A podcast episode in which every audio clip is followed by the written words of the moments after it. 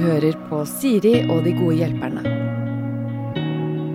Helgens gode hjelpere har funnet hver sin eh, stol. På den ene sitter eh, Maria Stavang, på den andre sitter eh, Vidar Villa. God dag, begge to. Halla igjen. Hei, hei. Eh, Maria, jeg kjenner jo deg fra før, og jeg, jeg har jo eh, en tendens til å poengtere til det kjedsommelige at du kanskje er bedre kjent som Pia-tid, men den tid er vel forbi? Ja, jeg um, prøver mer å bli Maria Stavang. Jeg sendte faktisk melding til hun som har Maria Stavang på Instagram og spurte om jeg kunne kjøpe navnet hennes for 10 000, og den svarte hun aldri på. Oi, men kan hende hun ikke tok det seriøst? Eh, jeg kjenner hun litt, eller vet litt oh, ja. hvem det er, så hun vet, eh, hun, hun vet nå godt hva jeg ville. Ja, men det 10 er 000 er ikke det bra penger for et navn på Instagram? Jeg jo kunne slengt med en brukt strømpebukse på den prisen der. Ja. Men eh, blir det Hør på dette spørsmålet her. Blir det noe tid til Pia-tid? Oi, hva mener du med det? Ja, driver du med det, liksom? Eller? Nei, jeg legger jo ikke like seriøs som jeg gjorde for kanskje fire år siden, hvor det var eh, mest mulig om å gjøre å legge ut mest mulig content. Jeg, Mm. jeg var en content creator, som det så fint het på den tiden. Ja. Eh, men nå bare legger jeg ut hvis jeg syns sjøl at det er gøy. Det går mer i andre ting som er gøyere.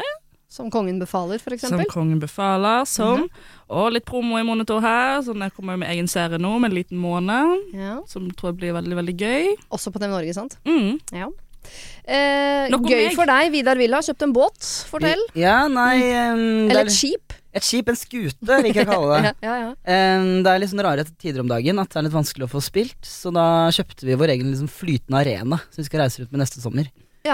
Men også der er det vel avhengig av at koronaen har eh, forlatt landet? Ja, men jeg tenker at det kommer til å roe seg jeg nå. Ja. Eh, så innen neste sommer så blir det bra. Hvis ikke, så bare får vi dele opp konsertene og kjøre to om dagen. Kan jeg spørre hva skuten kostet? Den kosta um, Jeg spør for meg sjøl. ja, like mye som en, en, en liten leilighet.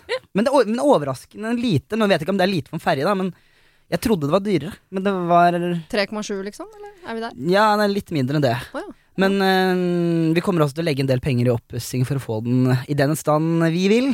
Ja. Um, så det, det, det løper mye kostnader sånn ettertid òg. ja. Kan, kan du bo på båten? Ja, du kan det. Uh, for det er lugarer.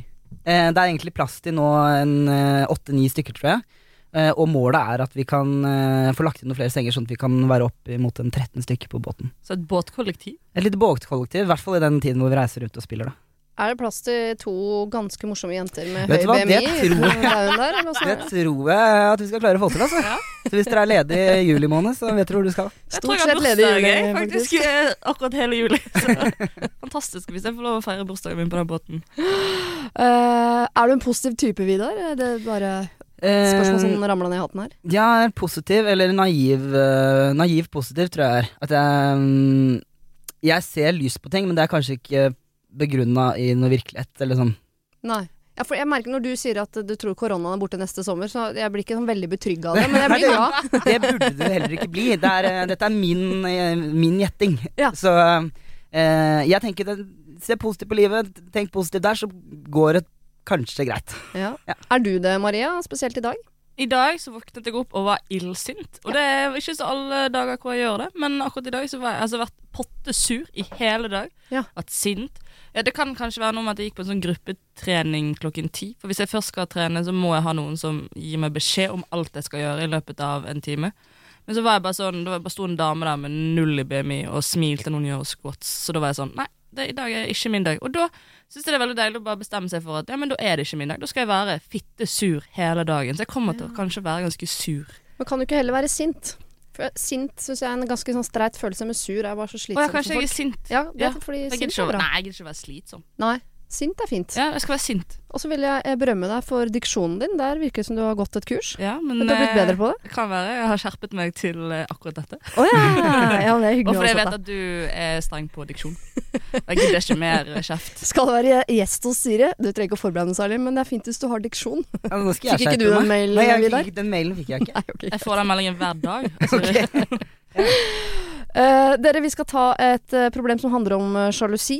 Så hvis det er noen som har noe erfaring på feltet, så er dette tiden å dele. Men her er altså problemet.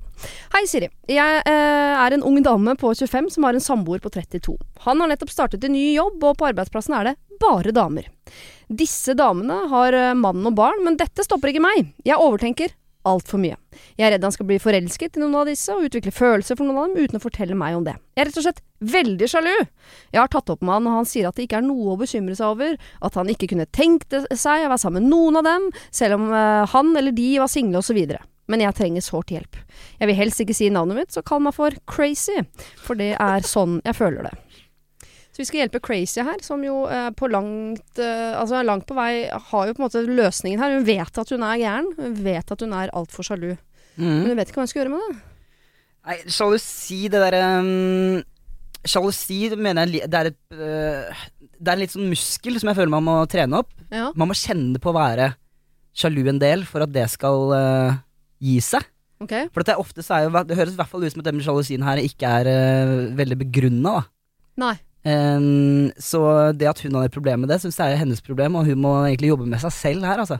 Ja, men du, og når man skal uh, jobbe med sjalusien, så mener du istedenfor å bare uh, si til sjalusien 'gå bort, du får ikke lov å være her', så rett og slett bare uh, tillate seg å kjenne litt på sjalusien? Ja, kjenn på det, og vit Vit at du føler det sånn, og øh, ikke la det gå utover andre, på en måte. Nei. Jeg har jo akkurat kommet inn i et forhold og Ja. lærer veldig mye om meg sjøl. Jeg lærte også nå at jeg, blitt, at jeg er sjalu. Det visste jeg ikke at jeg var. Eh, før jeg en eller annen dag eh, mens vi var på fylla, meg og typen, snudde meg til han så sa jeg 'eksen din er jo digg', og så sa jeg sånn 'to be continued'. Nå skal du fullføre den setningen, som Ja. eh, eh, er jo en ganske kjip ting å lære om seg sjøl. At man er sånn type sånn, Nå skal jeg bare gjøre bemerkninger på eh, på tidligere forhold du har hatt. Men vi hadde en veldig sånn fin samtale her hin dagen hvor vi Jeg kjente på, på ting som, er bare, som var sjalusi, da, rundt, rundt gamle forhold han har hatt med andre. Og da eh, sa han Men bare si det til meg, så kan jeg forklare deg hvorfor du ikke trenger å være sjalu. Ja. Uansett hvor teit du føler deg rundt, eh, rundt dette, så er det ikke det. For det er en veldig menneskelig følelse som alle andre har. Ja, for jeg, dette er rart. Nå må man være med et stykke ut i dette bildet før dere forstår det. Fordi noen ganger så sammenligner jeg sjalusi med eh, kondisjon. For det er noe med, eh, Noen ganger syns jeg er veldig flaut hvor dårlig kondisjon jeg har. Så prøver jeg å skjule at jeg er andpusten. Det er nesten helt um, Da blir man jo helt utrolig sliten. Mm. Istedenfor å bare puste ganske tungt helt fra start. og det mener jeg, eh, Poenget med sjalusi er at hvis man går rundt og, og eh, Selv om det er ditt problem, hvis du bare går rundt og 'dette skal jeg deale med, og det skal vi ikke snakke om', det er jeg som er gæren, det er ikke du, det er bare meg, meg, meg, meg, så tror jeg man går og maler og maler og maler dette inn i eh, hodet sitt. Det blir så stort at man eksploderer.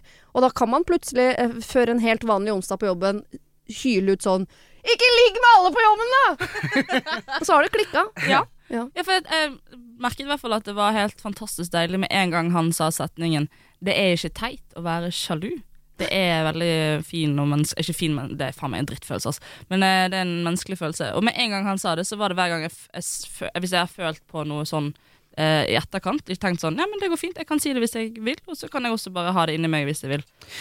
Men misforstå meg rett her, når, eh, når jeg sa det jeg sa, var ikke at, at du må sitte og holde inn på det selv, men det er jo litt sånn som når man lærer barn da, Mm. om det med sjalusi, så er det jo det at de må lære seg å takle sjalusi gjennom å være sjalu. Ja. Eh, og eh, ikke la det gå negativt utover den andre parten, ved at, eller bro, lillebror, eller noe sånt, ved at du skal slå lillebror, eller noe sånt. Nei, ikke gjør det. Eh, nei, eh, så det å kunne prate med kjæresten sin om eh, at um, jeg er faktisk sjalu på det her, og Mm. man har en dialog på det, det syns jeg er fint.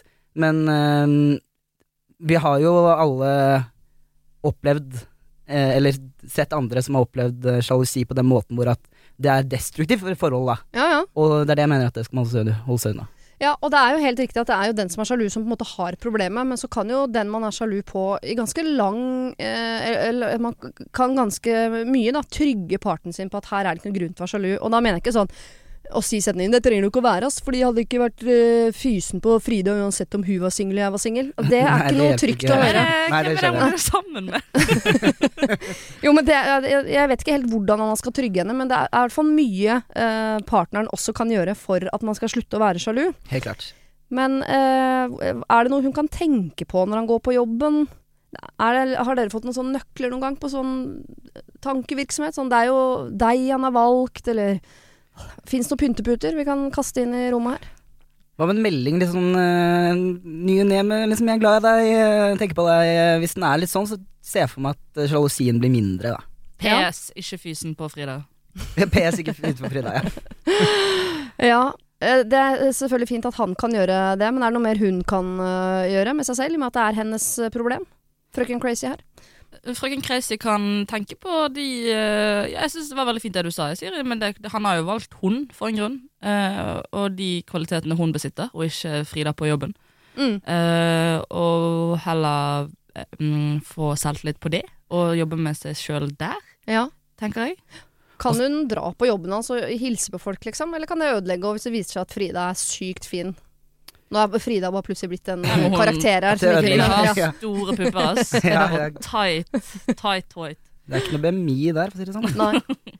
Jeg vet ikke om det er en god idé, egentlig. Slippe Crazy her løs på arbeidsplassen. Nei, kanskje Nei, ikke. jeg tror hun bare må si det hun tenker og føler til typen, sånn at det, det blir ufarliggjort. At det ikke blir mye større greie enn det det trenger å være. Frøken Crazy, ikke gjør dette større enn det nødvendigvis er. Fortsett å snakke med typen din om at du er sjalu, fordi det er en eh, menneskelig følelse eh, som er vanskelig å bli kvitt. Og du blir i hvert fall ikke kvitt den aleine. Da blir den bare større og større og større, og større helt til du eksploderer og blir virkelig crazy. Men dette er en følelse som du må jobbe med, for det er jo i bunn og grunn ditt problem. Hm?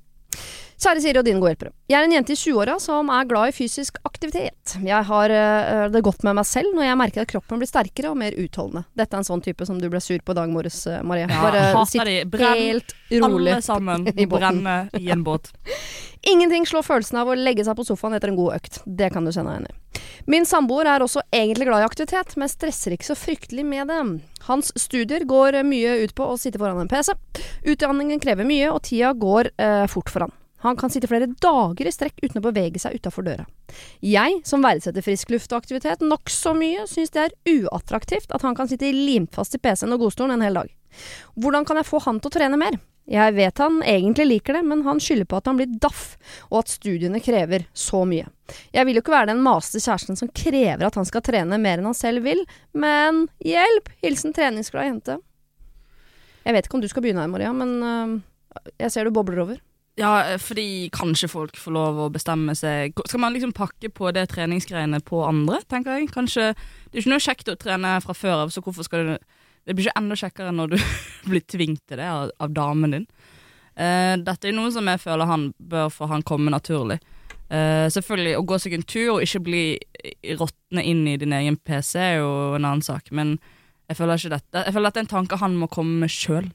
Ja, men sånn Fra et nøytralt helseperspektiv så hadde det vært greit om han kom seg ut av godstolen innimellom og bevegde på lemmene sine, eller?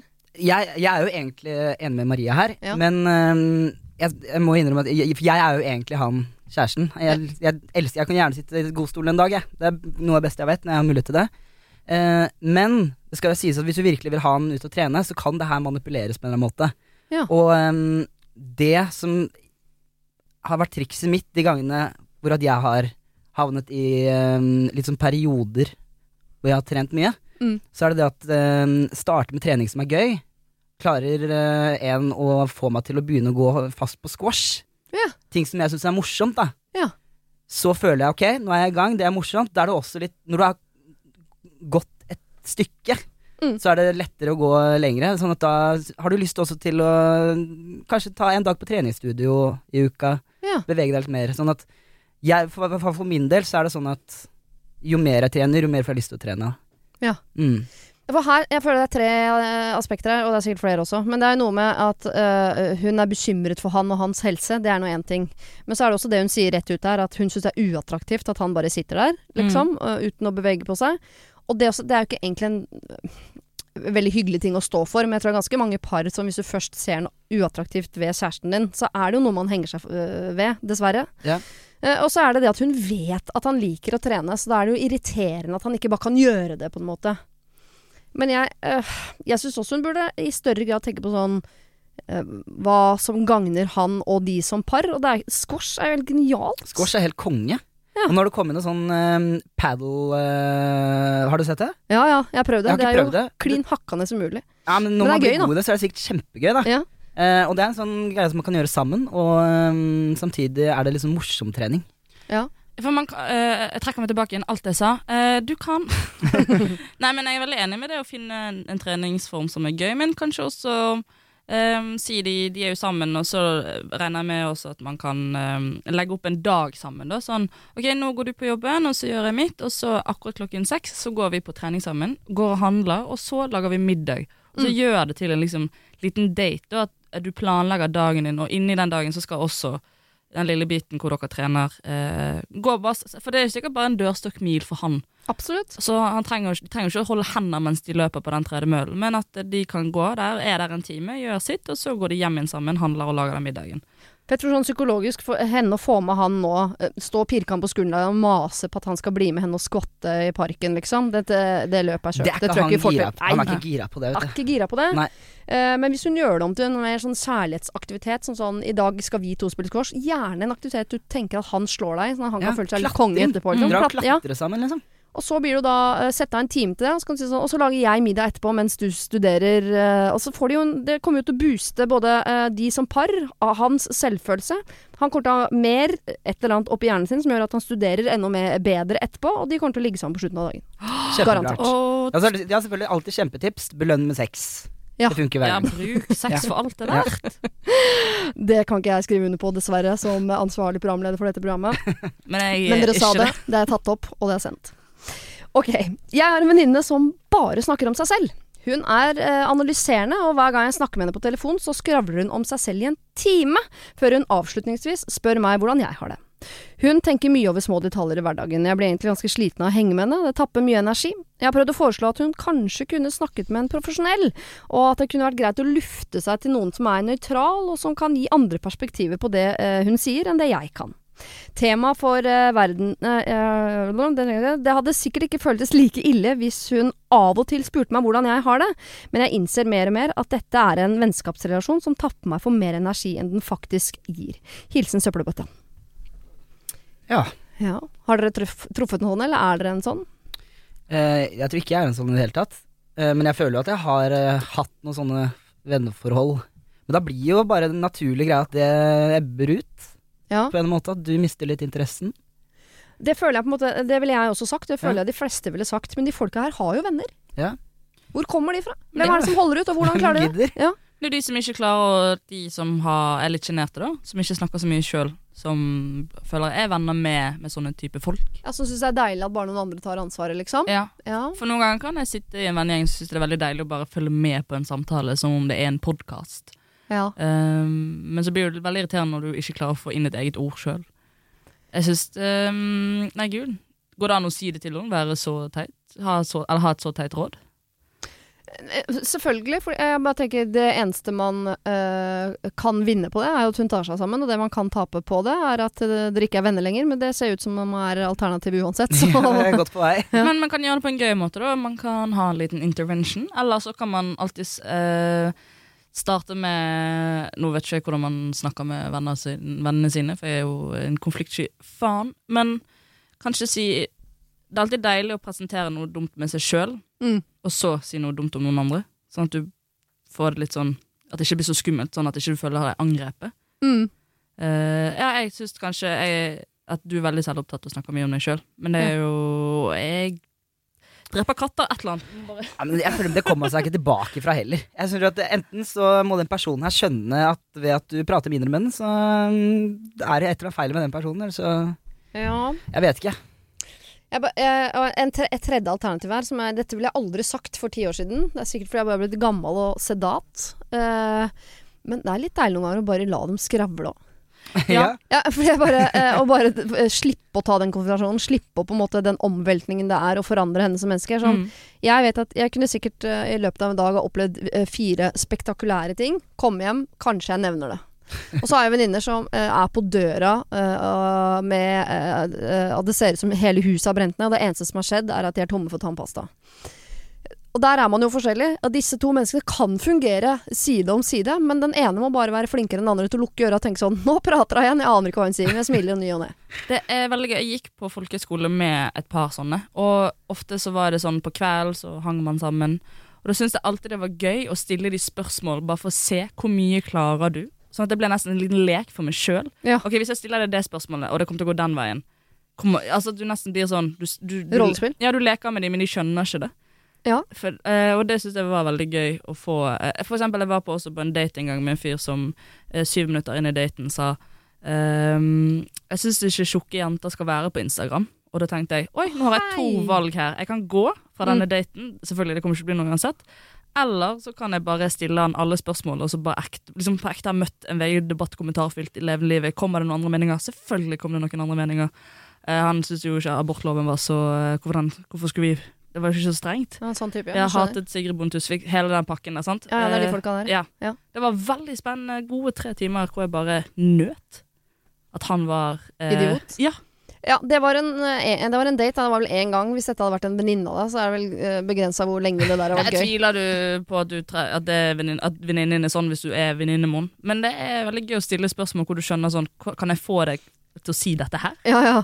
Ja eh, gjør det om til et, eh, Ikke en vennskapsrelasjon, men gjør det om til et eh, sånn sosialt eksperiment. Ja, Det er selvfølgelig Ja, det gir jo en verdi, i hvert fall, det venneforholdet. Jeg tror uh, enten at hun bare må fade ut dette vennskapet, ta det opp med henne og se hva som skjer. Da kan det hende at det fader ut litt fortere enn du hadde tenkt. Eh, eller eh, bare la henne prate og prate og prate. Men da må vi jo gi henne en mulighet til å og det er det jeg syns vi skal fordype oss litt i. Hvordan Vi får ikke gjort noe med henne, ikke sant. Hun er slitsom og skravlete og ikke sant. En sånn type. Mm. Men hvordan få henne Eller hvordan få plass til seg og sine ting. Enten så uh, må man få venninnen til å gi den plassen, eller så må man ta den plassen.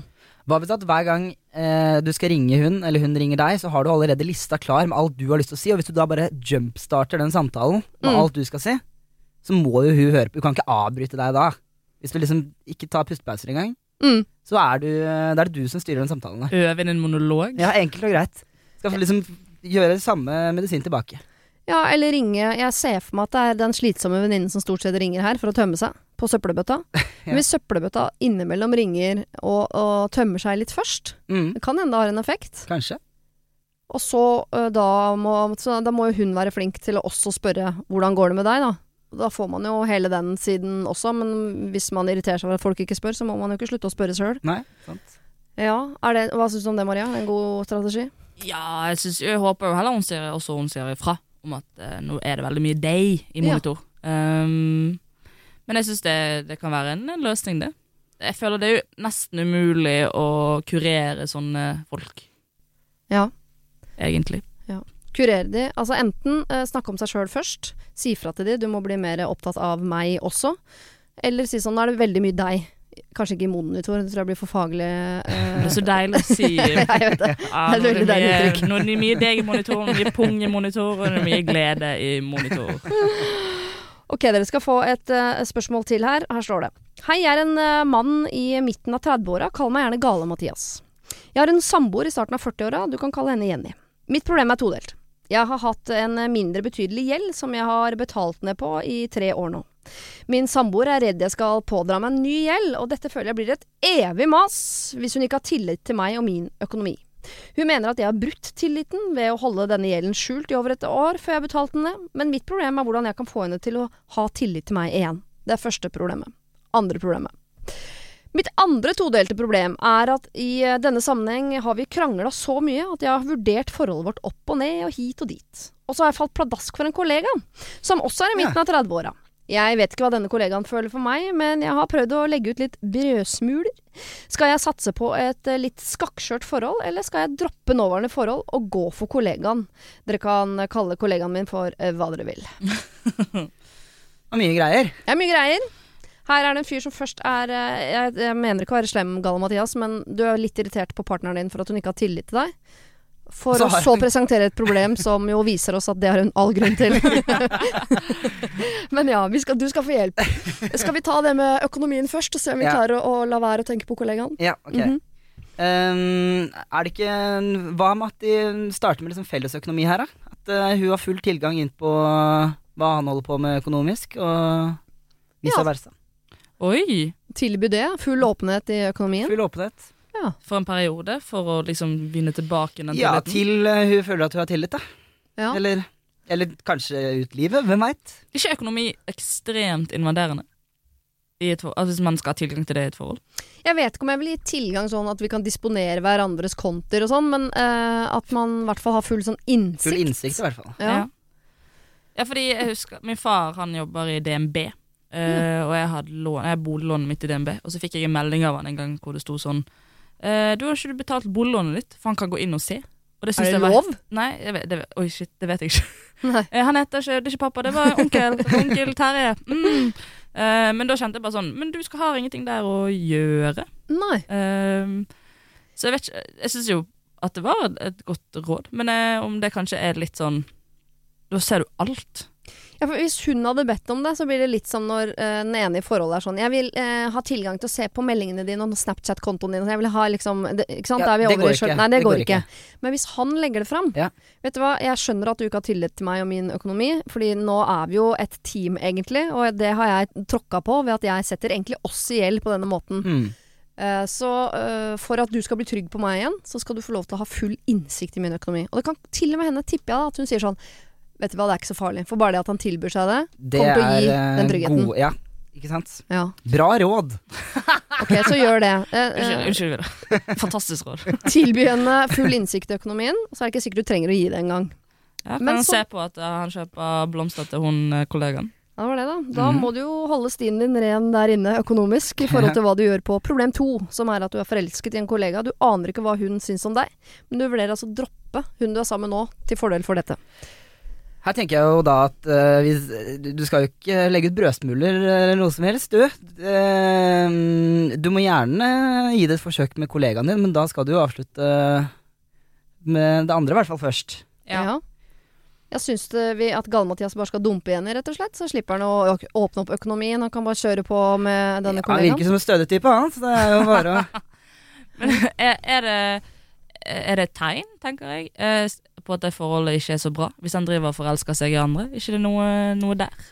Det er vel ikke så bra, for de krangler jo om økonomi om dagen. Mm. Mm. Nei, men jeg er sånn eh, Jeg husker ikke hvem som fortalte meg dette, men det var litt sånn samme situasjon hvor hun bare gikk fra han andre da inn i et nytt forhold, og så fikk hun veldig mye pes for det da, fra andre og fra venner og sånn.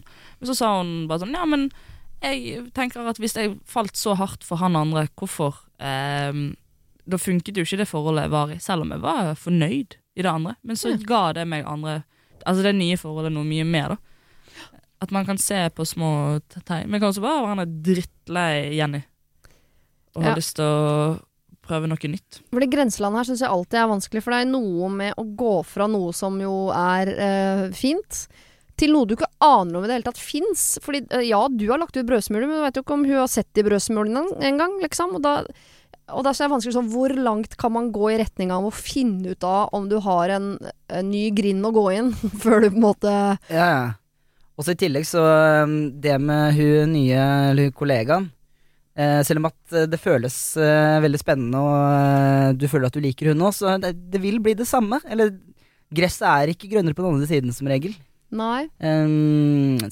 Nytt føles alltid bra i den posisjonen der, kanskje, hvis du er litt trått på hjemmefronten, men Ja, for hun på jobben har jo ikke krangla om noe økonomi, ingenting. jeg. Nei, Har har ikke det. et virker som en konge. Ja, ja. Men hun vil krangle på den økonomien, hun òg, hvis Hun det er masse lån der. Nøyaktig like sur som Jenny for de greiene der. Garantert. Garantert. Men uh, igjen, har han lov Altså, jeg er jo ikke for uh, Altså, jeg går ikke foran i toget med plakat hvor det står 'Overlapping er greit'! Overlapping er greit. Men skal han uh, undersøke dette potensielle forholdet på jobben litt grann til før han drar opp ankeret der hjemme? Jeg syns i hvert fall ikke at svaret skal være at hvis hun virker interessert, da skal han dumpe. Nei. Hvis han er gira, så skal han dumpe. Og så blir det kanskje ikke noe med hun kollegaen, men da finner han seg en annen. Ja, det er jo det korrekte svaret når jeg hører det.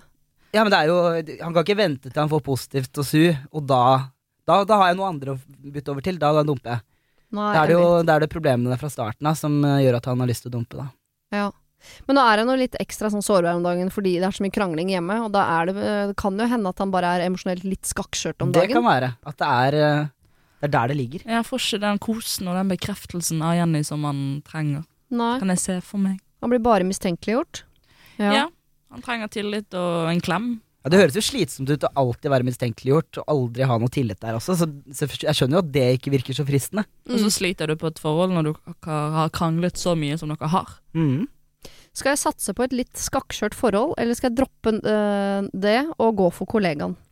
Jeg bare øh, man skal, Når man først er sammen og har valgt hverandre, så skal man jo tåle sånne perioder hvor man er sure på hverandre for det er litt sånn tillitsbrudd. Ikke sant? De kneikene der skal man jo over. Men da skal det jo være en vilje i bånd til å ha lyst til det. Her syns jeg det virker som sånn første dump i veien, liksom. Så har Ja. man så lyst til å, å gå videre. Har ikke trua på Mathias og Jenny, altså. Jeg har ikke- jeg har ikke trua. Nei. Nei Jeg har en måte lyst til å si fiks den tilliten, da, og så se hva som skjer. Kanskje du får andre øyne opp for igjen. Kanskje du får nye øyne igjen for Jenny. Gi det et Ja. lite, gi det lite forsøk. Prøv det der med åpen økonomi et par måneder og se om det funker, da. Hvis ikke, så Jeg setter en tidsfrist. Ja. Si to måneder, da. Ja. Hvor Mm. dette her, og hvor du frir til Jenny. Ikke bokstavelig talt frir, men frir, liksom. Ok, greit, jeg dette har jeg lyst til å bygge opp igjen. Jeg har lyst til å bygge opp din tillit. Jeg har lyst til at du skal stole på meg igjen. Og hvis det er blomster og grønne skoger etter to måneder, selvfølgelig skal du fortsette. Hvis ikke, så skal du kanskje legge litt, litt flere brødsmuler. litt, litt aksjer over på Reidun på kontoret. Men vi bremser brødsmulegreiene nå. Ja, Brems det ja. foreløpig. ja. Ok, da tror jeg vi er der. Gale-Mathias, eh, nå først så rydder du opp i de økonomigreiene. Du åpner opp og tilbyr liksom full, eh, fullt innsyn i økonomien, og vinner dermed tillit, og så ser du om forholdet blomstrer. Gi det litt tid, og i mellomtida så holder du de brødsmulene så fryktelig godt gjemt nedi bukselommene dine. Eh, og hvis eh, forholdet blomstrer, ja, så har du svaret ditt der. Gjør det ikke det, går du fortsatt og drømmer om denne kvinnen på jobben, ja, så er det ikke Jenny som er kvinnen i ditt liv, da. Da må du gå fra henne, men da har du i hvert fall prøvd. Da har du i hvert fall gitt et forsøk. Har du problemer selv, send dem inn til siri at radionorge.no. Og jeg hadde tenkt å spørre Hvor, eh, hvor gamle er dere, hvis jeg har lov å spørre om Vidar? Eh, 31 har jeg blitt nå. Ja. Mm. 25 år har jeg blitt. Ja. Mm. Uh, hvis dere liksom uh, tar et kjapt sånn sveip over vennegjengen deres, uh, hvor er de fra, liksom? Er det folk fra, som er vokst opp i samme gate, eller er det ved ungdomsskolen, eller? Jeg er så heldig at jeg har veldig god kontakt med de jeg er vokst opp med. Men eh, her i Oslo så er det veldig mye forskjellig. Det er innflyttere, alle sammen. Ja. Mm. Hvor har du truffet de, ja? Altså, på jobb, liksom? Nei, for det meste gjennom studier og sånn, da. Ja. Og venner av venner gjennom studier, på en måte. Så det er veldig blanda gjeng. Ja, men dere er en gjeng? Ja, vi har blitt en gjeng, i hvert fall. Ja. Ja. Bare gutter, eller gutter og jenter? Gutter og jenter, vil jeg si. Hva gjør dere, liksom? Nei, altså de nærmeste så spiller jeg bare musikk med, da. Og drar ut med. Liksom det greiene der. Ja. Men eh, nei, hva gjør man egentlig? Man henger bare. Snakker dere om følelser? Kliner. Snakker ikke så mye om følelser, egentlig. Nei. Kanskje litt for lite. Ja, Åssen er det med dere, Maria? Nei, jeg er jo en slags uh, Westerdals-groupie. Jeg har jo bare fått masse venner som går på Westerdals. Jeg kom jo aldri inn på Westerdals sjøl. Uh, søkte tekst for mange år siden. Uh, Ja. Så nå har jeg bare gjorde fått jeg òg, men jeg kom inn. Fy faen, skyt deg sjøl. Gikk du tekst? ja. Å, din hore! Nei, men jeg har bare fått masse venner som går på Westerdals, og det er jo alle fra hele verden. Så det er veldig mye kreative folk. Ja. Skal spille heller være med de på quiz i dag og ikke bidra noen ting. De skal få lov å ta alle spørsmålene. Ja, så dere gjør uh, gøyale ting når dere er sammen. For dere gjør ikke sånn uh, kreative ting. Sitter ikke og tegner og klipper og limer og får ting opp på kapa og det greiene der. Nei, det er lite sånn La oss lage et show sammen, da. de lager sine revyer, og så kommer jeg og ser på når det er premiere på de. Det er mye skolerevyer her i Oslo og sånn. Ja. Så Og gam gamlingen fra Bergen òg.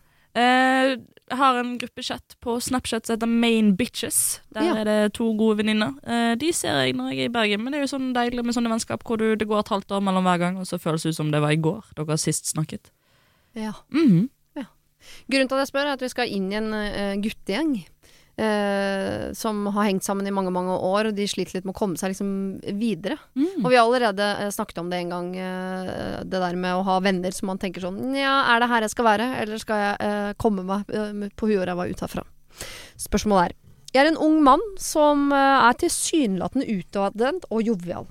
Jeg har en uh, gjeng som jeg har hengt med siden videregående, og uh, i denne gjengen er det litt sånn typisk guttastemning. Jeg opplever at vi snakker ganske overfladisk med hverandre. Det dreier seg stort sett om hva folk skal i helga, hvor er neste fest, og om damer. Og jeg skulle egentlig ønske at vi kunne snakke litt mer seriøst med hverandre. Og jeg har prøvd flere ganger å gå i dybden, men jeg føler ikke at det blir så godt tatt imot. Men eh, jeg har jo ikke bare dager hvor jeg er helt på topp, så det hadde vært fint å kunne snakke om det også. Hvordan skal jeg gå fram for å få til det, uten å bli han kjipe fyren i gjengen som bare vil snakke om følelser? Hilsen Sigurd. Skjønner her er Sigurd eh, har vokst fra resten av gjengen sin, men vil gjerne at de skal bli med lite grann. Ja.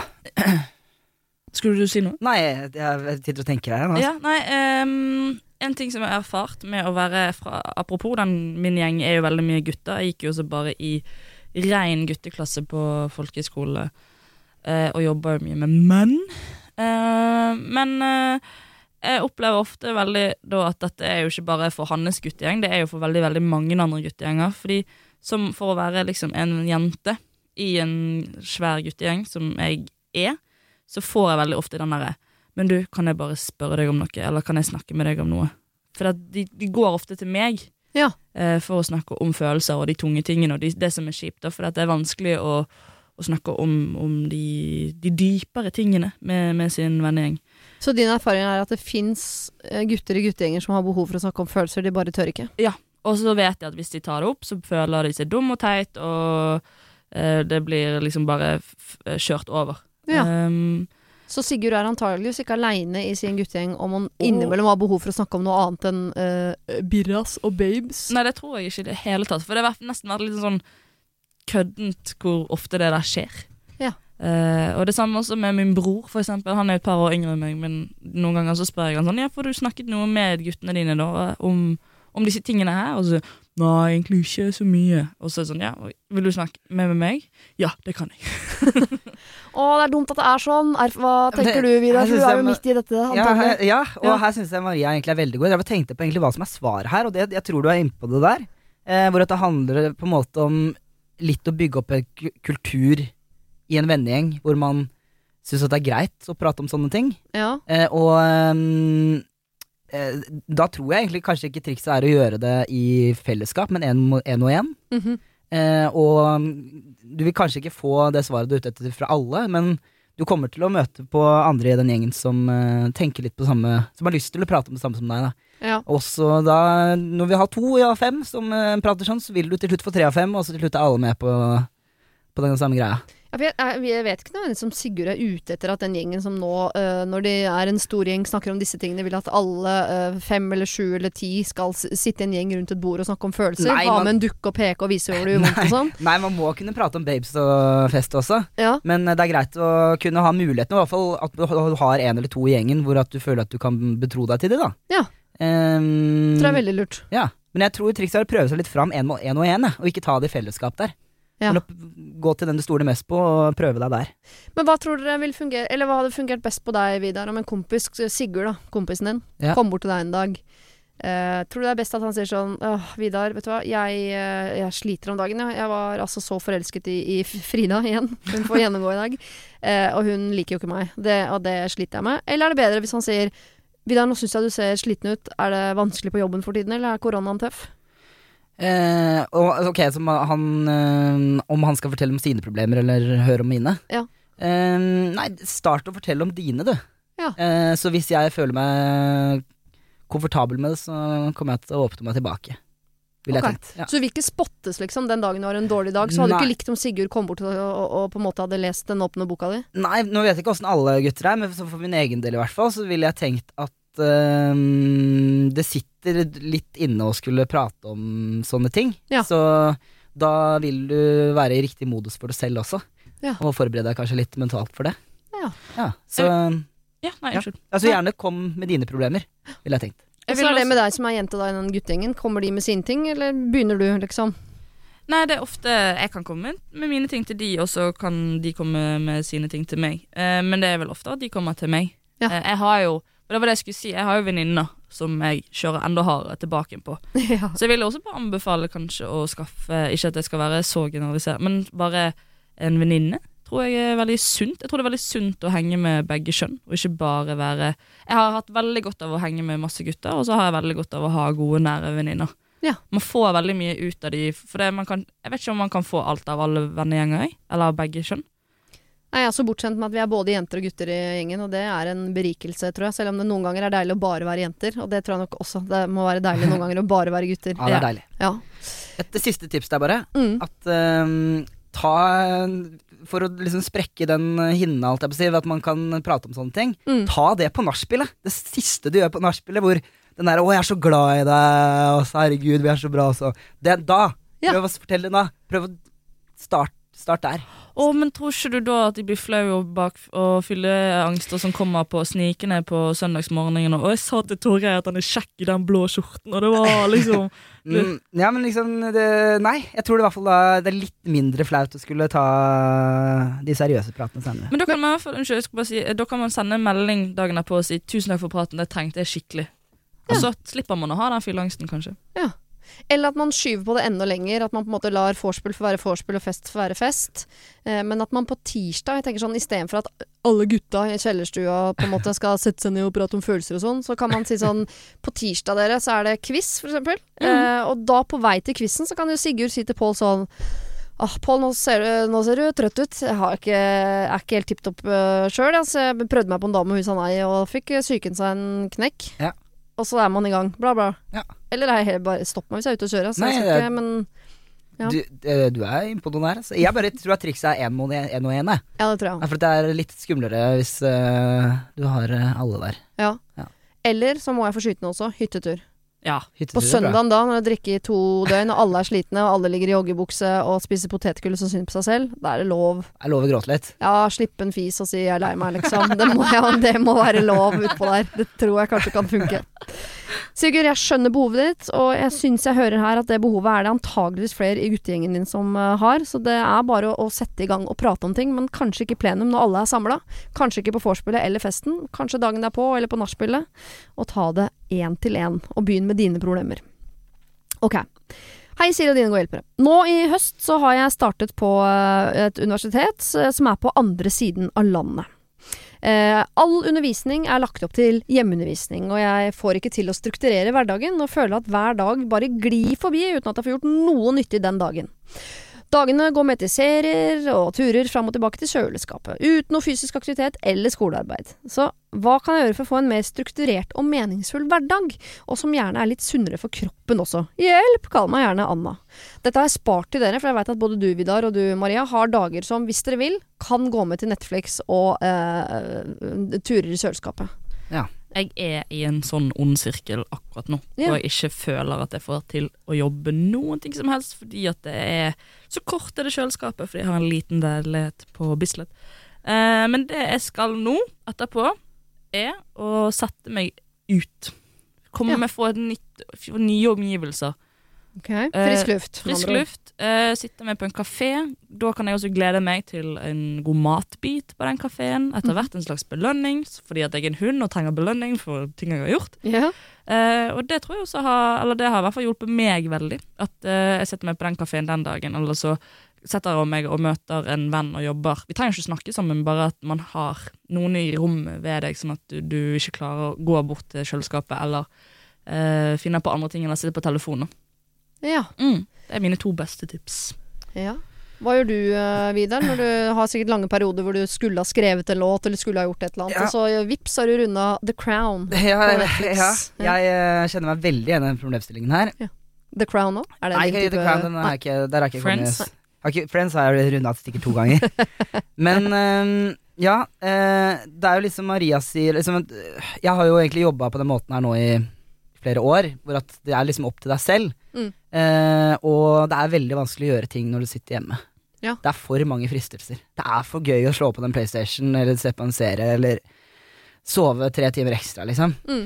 Eh, lag deg rutiner, og kom deg ut og sett deg på en kafé. Og bruk det som kontor, eller liksom et eller annet. Bare du, må, du må komme deg ut av leiligheten på en eller annen måte, tror jeg. Lage seg en timeplan, rett og slett. Lage Altså, en sånn team- som gode gamle som var på skolen når man gikk på uh, ungdomsskolen, på en måte. Ja. Enkelt og greit. Og det som blir veldig positivt da, er at eh, da blir hjemme hjemme. Da blir den sofaen en, en, et sted der du kan være hjemme, og TV-en er Akkurat. kos. Mens når du er ute, da er jeg på jobb. Sånn at du også ikke trenger dårlig samvittighet for For det er jo det verste når klokken liksom begynner å bli syv-åtte, og jeg føler ikke at jeg har gjort en dritt, men jeg føler fortsatt at jeg må sitte og ha PC-en på fanget og i hvert fall prøve å skrive en eller to eh, vitser. Men en arbeidsdag er jo som oftest ferdig klokken åtte. Mm. Men nå er du ute, du gjorde ditt beste på den kafeen fram til klokken fire, og så drar du hjem. Og da er du hjemme. Da tenker du, da er jobb vekke. Da har du også bedre samvittighet for at du, du har Hold, ja, hold hjemme hjemme, og kontoret et annet sted. Ja. Det blir sånn, enten så ødelegger du det at hjemme er kos, da blir det plutselig litt sånn stresssted. kontoret er jo ofte et sånn stressende sted hvor man ikke klarer å slappe av Mm. på grunn av at der skal man jobbe. Sånn skal det være. Men hvis hjemme blir sånn, da har du ødelagt litt. Ja. Og så tror jeg også, I og med at hun har flytta til et nytt sted og antageligvis ikke har blitt så godt kjent med sine medstudenter, og sånn, siden alle har hjemmeundervisning, så har de vel sikkert noen sånne forum hvor de snakkes innimellom. Sikkert. Det går jo nå å, å sende ut en liten sånn Er det flere som sliter med å strukturere hverdagen, eller? Hva om vi, vi eh, setter oss på denne kafeen fra eh, 11 til 2 og jobber, og så tar vi en kaffe etterpå? Ja. Det må jo være noen som biter på det, og så blir det en ene dagen kanskje to, en annen dag blir det kanskje eh, fire, sju, to igjen. Mm. Og så har dere lagd deres eget uh, lille sånn system med friminutter og timer, og blir faktisk også bedre kjent. Ja. En liten kollokvie der. Ja. Og så kan du kose deg med at du var motivator, eller hva heter det, ikke motivator, men Motivasjon. Inspirer. inkubator, har jeg lyst til å si. Det vet Ja. jeg ikke hva er, men Eh, det er bare fint ord. Masse ord som Så- jeg ja. ikke vet hva betyr, men som jeg vet er kult. Så er du fasilitator og inkubator for dette. Ja, det er et ord der. ja, det er noen ord som jeg liker å bruke. Ok. Vi er eh, Nå har vi gått over fra studering til eh, jobb, men Mm. eh, det er eh, innsats som på en måte er eh, paraplyen her allikevel.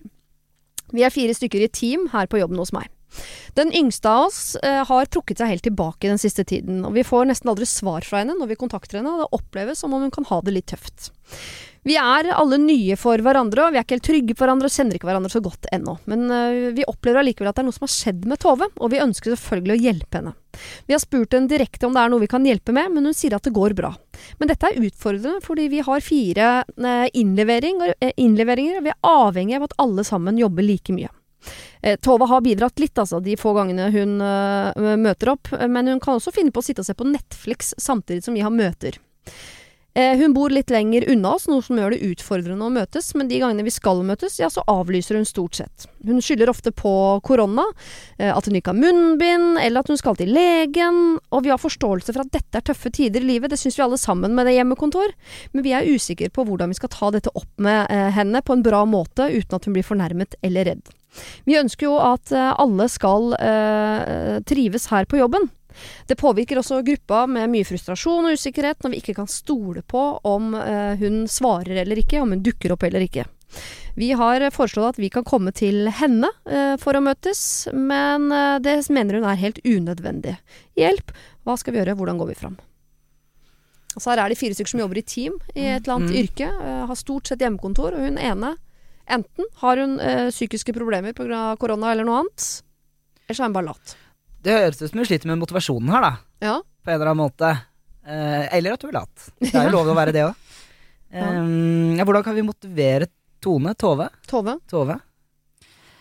Um, et, altså, jeg har hatt en ish lignende opplevelse med en annen person, og det viser seg bare at uh, den personen ikke hadde lyst til å Fordi vi skulle lage et show sammen. Ja. Eh, og hun, den personen hun hadde ikke lyst til å være med på det showet, fant vi ut i ettertid. da Men hun avlyste alle møter vi skulle på, og dukket ikke opp og kom fire timer for seint. Eh, Men hadde jo, hun hadde jo hatt kjempelov til å si at dette showet har ikke jeg lyst til å lage, istedenfor å liksom hale ut vår tid da, i et halvt år uten at det ble noe av. Det er ofte man tror man tar hensyn til folk ved å ikke gi dem den Mm. ene beskjeden de trenger. Som er Mm. sånn, vet du hva, jeg blir ikke med. Nei, ok, digg, da forholder vi oss til det. Da er vi plutselig bare tre stykker. Ja. Og det fikser vi. Det høres ut som Tove, Tove er dårlig i jobben sin, i hvert fall. Ja. Det høres ut som det. Um, ja, for her blir det litt mer alvorlig, for hun har jo faktisk en jobb hun får lønn for. Ja. Så hun må jo, må jo levere noe, liksom. ja, uh, og hvis hun ikke leverer det, så, så er vel det bare det å gi beskjed om at eh, her er det vi har, vi mangler det som Tove skulle få levert. Beklager at ikke vi Ja. Jeg vet ikke. Gå til sjefen, altså. Ja. Ja. Det er jo det er, De er jo ikke først og fremst venner her, det er et profesjonelt forhold, og hvis den ene parten ikke leverer, så skal ikke det gå utover den andre. Det er selvfølgelig en uh, gyllen mulighet er å gå til sjefen eller de som har ansvar for sånne ting på jobben. Er det Mm. HR det ofte heter? Jeg har aldri hatt en normal jobb sjøl, så Hvem vet åssen det der funker? Jeg aner ikke. Men uh, om at vi, vi tror Tove på gruppa eh, sliter her, for hun leverer ikke det hun skal, møter ikke, uh, virker ikke som hun har det bra. Kan du ta en telefon, liksom? Ja, for det er jo i hvert fall ikke gruppa sitt ansvar å fikse Tove her. Det er i så fall da HR-ansvarlige eller hvem som fikser sånn. Mm. Ja. Sånn at det må jo gå gjennom systemet, det. Men hvis hun har fått seg en psykisk knekk, da, hvem tror dere hun vil ha en sånn telefon fra? En på teamet sitt, eller fra HR?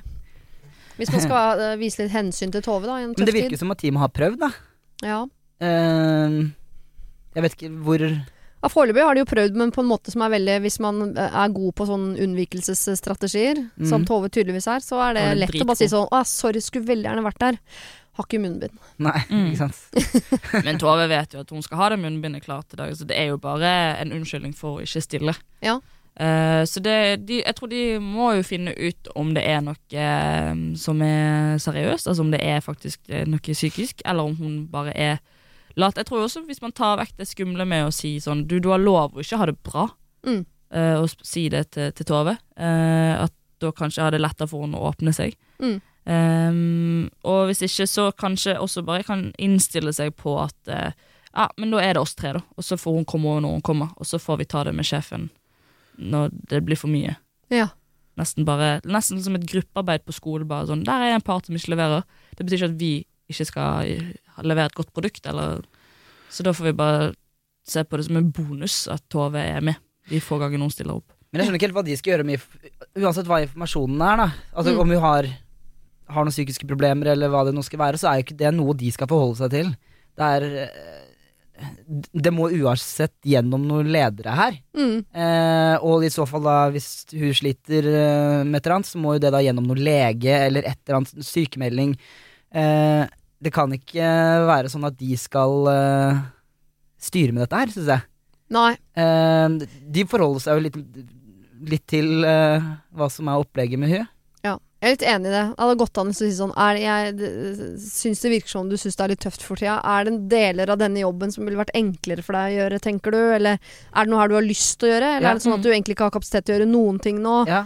Uh, ja, man må jo finne ut av det på en eller annen måte. For Ja. man kan ikke sitte sånn og ikke vite fram mot innlevering på jobb, eller hva det nå måtte være. Så er det en hel del som bare ikke er gjort. Ja. Mm.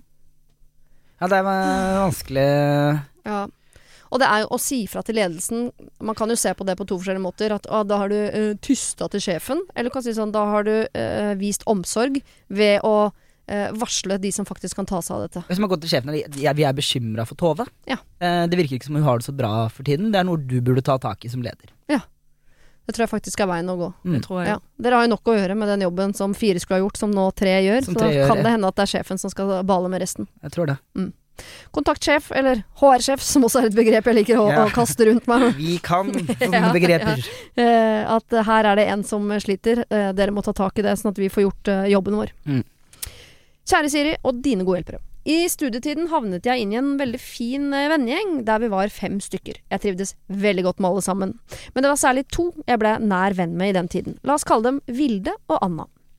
Nå er vi ferdig studert, og møtes ikke samme, i de samme arenaene lenger. Anna har tatt med seg eh, Har tatt med meg og en annen jente fra denne gjengen og inn i sin innerste sirkel, og vi tre har blitt en skikkelig fin gjeng. Sammen med en annen venninne av Anna.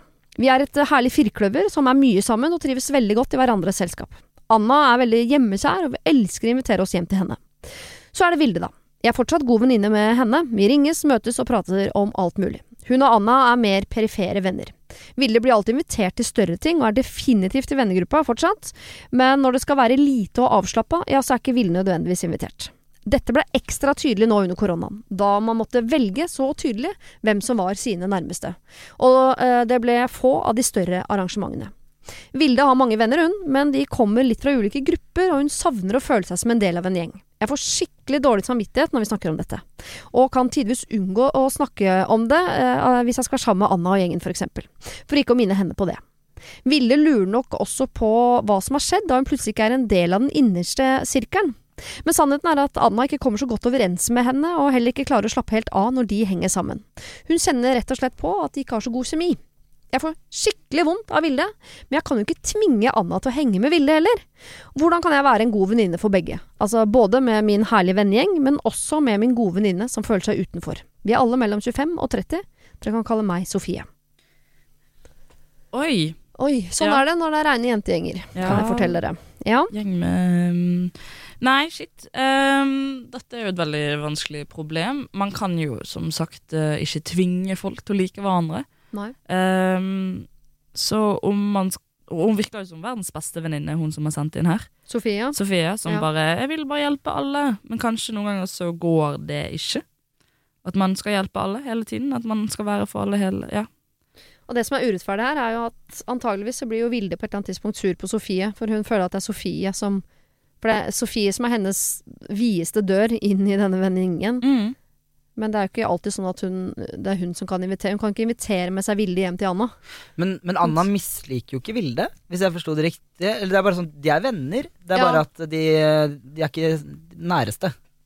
Så- Nei, ikke sant? Og det er noen man godt som Hvis man er en stor gjeng, skal man godt sitte rundt et bord, det er ikke så farlig, alle skravler. Men når man skal bare ned i sofaen og slappe av en kveld og se på TV sammen, så Ja. orker man faktisk bare de man slapper helt av sammen med. Og så skal Sofie på do, og så er det tre minutter der hvor Vilde og Anna er helt alene og må holde samtalen gående. Ja, for eksempel. Ja, for eksempel.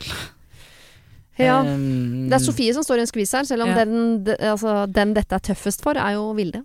Ja, for Det virker jo som Sofie har lyst til å lette på en samvittighet, eller dårlig samvittighet da, som hun har overfor Vilde, for hun føler kanskje at hun er en del av dette problemet. da. Mm. Fordi hun henger jo masse med Anna og syns at det er veldig hyggelig. Eh, så hver gang hun er med Anna, så kan det føles ut som hun har litt dårlig samvittighet for at ikke Vilde er der.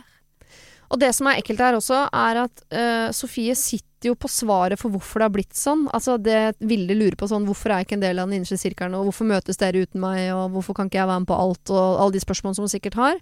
Sitter, Sofie har jo svaret, men hun kan ikke gi det svaret til Vilde uten å uh, tyste på Anna, på en måte. Og si Mm. sånn Det er Anna. Sorry, hun liker deg ikke så godt. Ja, men da syns jeg Anna er kjip, jeg. Sånn der, nei, det syns jeg Anna må tåle, at uh, Vilde skal være med hvis hun spør. Da. Det er ikke det at man må spørre Vilde hele tiden, men eh, Trikset her føler jeg ikke at for Sofie, da, ikke ljuge noe. Som hvis Vilde spør 'hva skal du i dag?' og jeg skal til Anna. 'Å ja, så gøy, kan jeg være med?' Ja, det regner jeg med. Eller 'nei, beklager, det på grunn av det og det'. Eh, Ja, men hva vi er kan det og det, ja? Nei, eh, Korona. korona for eksempel. Vi kan bare være Jeg vet ikke, ja. men eh, det er bare plass til tre i vogna. Men også er det altså det som Sofie må gå og sende på da Hvis hun vet at hun skal til Anna på fredag da, og Ville spør Ja, planer på fredag, eller skal vi finne på noe? Mm, nei, kan ikke Har ikke planer, jeg har bare lyst til å slappe Det blir jo til Det som korter er at Sofie begynner å ljuge for Vilde. Og late som hun bare skal være hjemme og er sliten, og late som Nei, jeg er sjuk, jeg, så jeg kan ikke. Og så smyger hun seg opp til Anna og sier Ikke legge ut bilder av meg på Instagram. Ja, Det høres ut som hun har to elskere. Jeg syns Anna må forstå at uh, Sofie er faktisk også venn med Vilde, og hvis uh, hun inviterer Sofie, så er sjansen også stor for at Vilde blir med. Hun kan jo ikke det det en greie? Ja, det er litt strengt. Er det det? Ja, for det, du kan ikke bare tvinge på folk andre folk. Med Jeg tror, hvis jeg hadde hatt en venninne som jeg inviterte hjem til meg, hun alltid skulle ta med seg en annen venninne jeg ikke likte, hva, slutt, hva er det jeg slutter med da? Jo, da slutter jeg også å invitere Sofie. Ja. Dessverre. Jeg tror, eh, jeg tror Vilde trenger å høre hvorfor hun ikke er invitert. For det er jo nesten sånn eh, Nå ble jeg slått opp med, men jeg vet ikke hvorfor. Mm. Eh, hun trenger kanskje en closure på, på dette. Eh, og så eh, kanskje også fortelle Anna om at dette er et stort problem i Sofie sitt liv. Mm. Typ ehm, eh, Neste gang hun er med Anna, så tar hun opp mobilen og sier sånn «Nei, 'Jeg fikk en melding av Vilde, og hun spør om jeg skal henge med henne, eller om hun har lyst til å være med henne.' Men jeg kan jo ikke noe, for jeg er jo med deg. Ja. Eh, hæ? Og så kanskje det blir en prat. Og så Ja, jeg tror kanskje uh, Er det greit for deg at jeg sier til Vilde at dette og dette føler du, eller er det noe du har lyst til å si sjøl? Ja. Det er jo også å stille Anna litt til veks, vek, vekst faktisk. Stille vekst. Anna Mm. litt til vekst. Litt til veggs. Men kan Sofie i større grad bli flink til å invitere, da? For jeg tenker at når Sofie inviterer til jentene på taco, så inviterer hun jo alle. Det syns jeg var en kjempeløsning. Eller Vilde sjøl òg. Kan jo Ja. uh, invitere av og til, da. Det er også ikke det dummeste jeg har hørt. Nei, jeg syns det der, jeg synes du løste det der, jeg. For nå gir det jo Anna veldig mye makt. Ja, Anna det. sitter med leiligheten, og alle eh, liksom eh, Det er hun som sitter og lager dette dukketeatret. Ja, Og problemet er at Anna ikke liker Vilde så godt. Ja. Så ja, hvis du bare Vilde begynner å invitere, og Sofie begynner å invitere, så må jo hun ta stilling til det på den måten. Da, Ja. Ja. da er det hun som får være mindre med. Gi Anna en liten Nei, mener du at hun ikke skal invitere Anna da? Jo, jo. Ja, ok. Ja, Ja, bra. Da er det hun som ender med å sitte alene, hvis hun ikke gidder å være med. Ja. Ja. Da får jo de kanskje et bedre forhold også etter hvert, hvis de får en liten dose av hverandre en gang i uken. Mm. Det beste hadde vært om Vilde og Anna ble venner, men det kan vi jo ikke skape med mindre de er mye sammen og kanskje finner ut av at de har en øh, OK så mye, Ja. liksom. Send Vilde og Anna på en hyttetur på to dager, og så, på slutten av den hytteturen, wow. Ja. Da er de bestevenner. Ja, de later som alle skal, men ingen kommer, bortsett fra Vilde og Anna. Mm. Det er Låst å, det er ondskap. Og da har du ingen venner, Sofie, men det er verdt det, for da er Vilde og Anna venner. Uff, ja, dette her, eh, Sofie, er nesten helt umulig å komme seg ut av. Jeg skjønner at du føler deg som den slemmeste av de alle, eh, og at det er vanskelig for deg. Det er det ikke noe tvil om. Men eh, enten så må Anna ta seg en del av dette problemet, siden det er hun som har problemet egentlig. At hun må snakke med Vilde. Eller så må eh, du begynne å invitere, sånn at alle kan treffes oftere. Eller så må Vilde ta litt tak her og begynne å invitere litt oftere, så ikke Anna sitter med all makt. Eller så må den samtalen bare opp på bordet. At du må forklare Vilde hvorfor ikke hun er med på alt. Ja, det, er, det er på grunn av Anna. Mm. Selv om det eh, Åh, Ja. ja. Ja. Det høres slemt ut, det òg, men jeg, det er jo liksom ikke noen annen vei utenom, da. Er det for at hun skal få mindre dårlig samvittighet for at de gangene hun er med Anna, så tenker hun på Vilde. Ja. Men det er ingen som vil ha den beskjeden eller sånn Siri, grunnen til at ikke du er invitert, det er fordi eh, Pia ikke oh, liker deg. Bare sånn. Hva? Er det noen som ikke liker meg? Uh! Og så er det Ja. Nei, jeg tror kanskje man skal gå for uh, den ideen til Vidar at man skal bare invitere mer. Ja. At du er host. ja det, jeg vet ikke hvor mange ganger jeg har sagt dette i uh, problemer som handler om vennskap, men man må, hvis man vil leke, så må man ned i sandkassa, ta fram spaden og spørre Vil dere leke. Man kan ikke sitte på gjerdet og vente på at de som går forbi skal spørre. Nei. Det er ikke like gøy å leke med folk som sitter og er sure på et gjerde, som de som allerede er nede i sandkassa med spaden klar. Ja. Mm. Så man må hive seg inn i det, altså. Godt sagt. Åh, det er ikke plass til alt det på en pyntepute, dessverre. Helt siden jeg hatt den. uh, Maria og Vidar, det har vært eh, en fornøyelse å ha dere her. Uh, du var jo uh, sint når du kom, Maria. Det Ja. opplever jeg ikke at du er lenger. Nei, nå er jeg smørblid. Ja, Ser du ikke på meg? jeg ser det på deg. Ja, Vidar, du var positiv som det er mulig å for blitt når du kom, og det er du fortsatt. Jeg er fortsatt for det. Ja. Knekker du av noe? Hæ? Knekker du noen ganger noe? Jeg hadde faktisk en dårlig morgen i dag, jeg, altså. Gleder meg til å se programmet ditt på TV Norge, Maria. Hva heter det? det Eh, kom, det skal hete Voksensmerter. Voksensmerter kommer om en måneds tid på TV Norge. Ja. Mm, og jeg gleder meg til eh, vi skal være med om bord på den nye båten din, Vidar. Jeg gleder meg til du skal få invitasjon. Ha det! Ha det. Det var det. Husk å sende ditt problem til siri at radionorge.no om du vil ha hjelp. Denne podkasten er produsert av Rubicon for Bauer.